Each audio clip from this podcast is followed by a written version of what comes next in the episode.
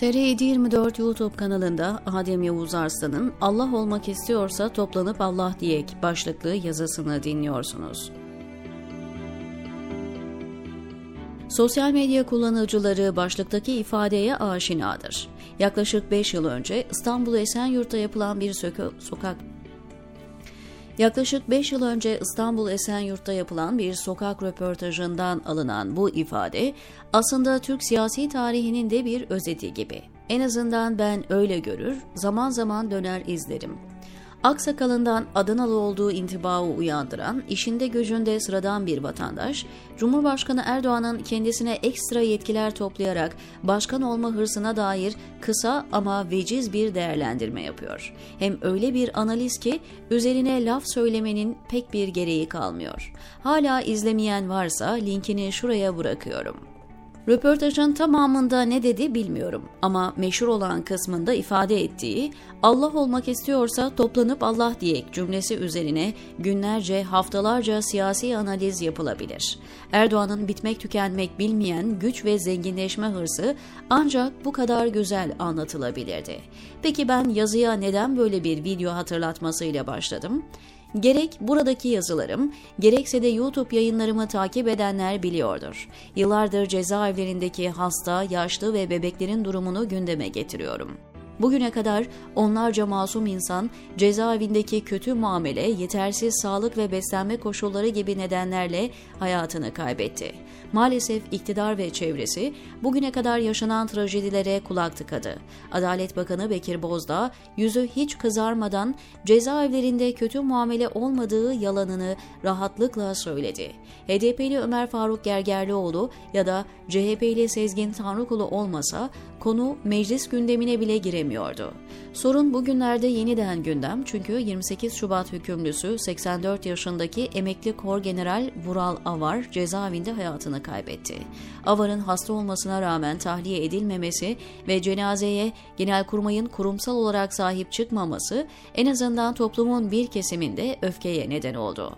Bazı Ergenekoncu ve ulusalcı kesimlerin bu trajediden bile Fethullah Gülen cemaatine saldırmak için bahane çıkarmasını bir kenara koyuyorum. Çünkü onlar artık umutsuz vaka.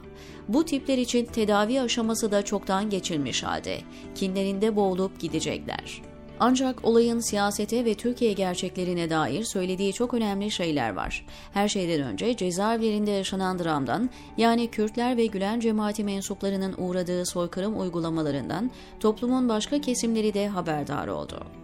84 yaşında cezaevinde hayatını kaybeden hayırsever Nusret Muğla ya da kanser hastası olmasına rağmen kelepçeli vaziyette tedavi görüyorken hayatını kaybeden eski Tuğ General Kamil Mutlum için 3 maymunu oynayanlar avar için ayağa kalktı.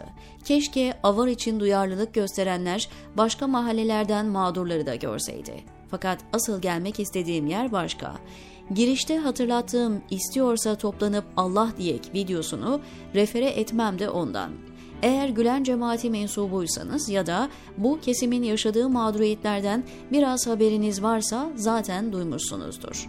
Cumhurbaşkanı Erdoğan keyfi olarak tutuklattığı masum insanları tahliye etmek için adeta kendisine yalvarmasını istiyor. Gerçi bu aşamaya geçmeden önce tahliye için yüklü miktarda para da alıyorlar ama konumuz FETÖ borsası olmadığı için bu bahse girmeyeceğim. Zira girersek çıkmak mümkün değil. Ülkenin her bir köşesinden inanılmaz yağma ve vurgun hikayeleri birikti çünkü. Konumuz af dile baskısı. Lafı eğip bükmeden kitabın ortasından anlatayım.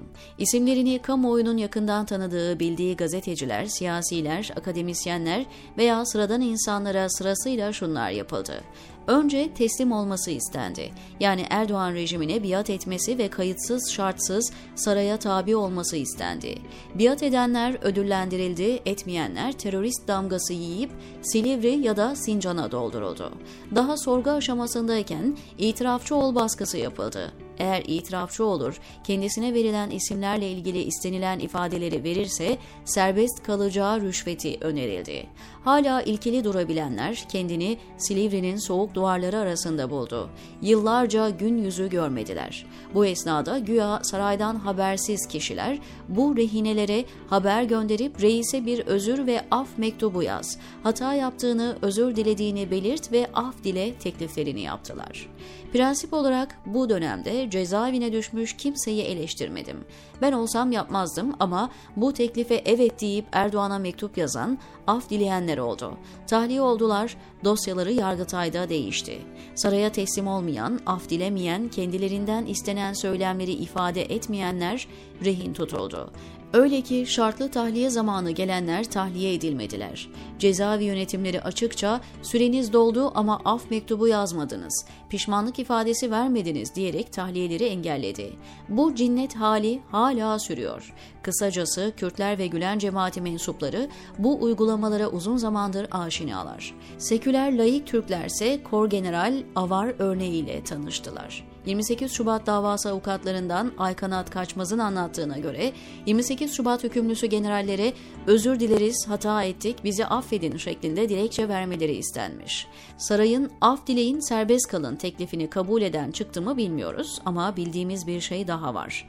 Erdoğan ve rejim aparatları af için yalvarmakla yetinmiyor. Onur kırıcı bir şekilde edindikleri ifadeleri havuz medyasına ve aktrollere dağıtıyorlar.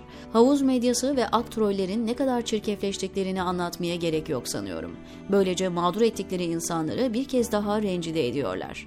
Özetlemek gerekirse, Erdoğan'ın bitmek tükenmek bilmeyen iktidar ve para hırsını masum insanlara ettiği eziyeti anlatmak için oturup uzun uzun siyasi analizler yapmaya gerek yok. Hukuku, evrensel değerleri veya ahlaki normları hatırlatmanın da bir faydası yok. O videodaki dayı gibi biz de çok istiyorsan toplanıp Allah diyek diyelim. Belki affeder diyor Adem Yavuz Arslan TR724'deki köşesinde.